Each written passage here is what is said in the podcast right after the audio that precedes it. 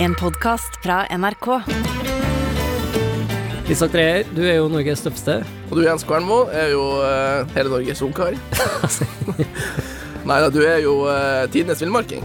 Nei, det vet jeg ikke. Ja, men jeg kan få lov å si det. Jeg kan mene det. Du kan mene hva du vil. Vi er, vi er jo veldig glad i å prate om jakt, fisking og friluftsliv.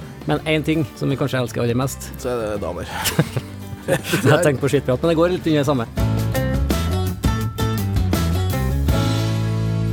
Hvor du har frøs mest. Det er kanskje i Forsvaret jeg frustrerer aller mest, da. Altså, jeg var jo skarpskytter, da, så vi lå jo ofte på sånne stillinger i kunne være mange dager, vet du. Og så lå jeg helt fett i ro, da. Vi skulle jo ikke ha på oss klær der, vet du.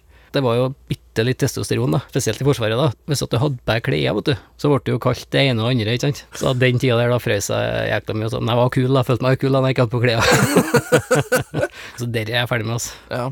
Men du er jo Så du jeg har lagt merke til at du bruker alle de stillongs. Nei, det er jo også for at jeg er fortsatt jævlig kul. Du er litt der inne. Nei, vi har jo hatt yrker begge to som egentlig går ut på å fryse. Som snekker Ja. så handla det om å fryse på fingrene. Så er det fisking, fryste på fingrene. Men nå skal jeg jo drive og fryse på fingrene i lag med deg òg. Jeg var jo der, jeg òg, Isak. Ja. At jeg ikke brukte stillongs. Nei, jeg elsker stillongs, jeg. Og nå har vi faktisk fått en podkast der vi skal prate om alt det her. Jeg gleder meg. Det blir artig. Har du et dagens eh, visdomsord?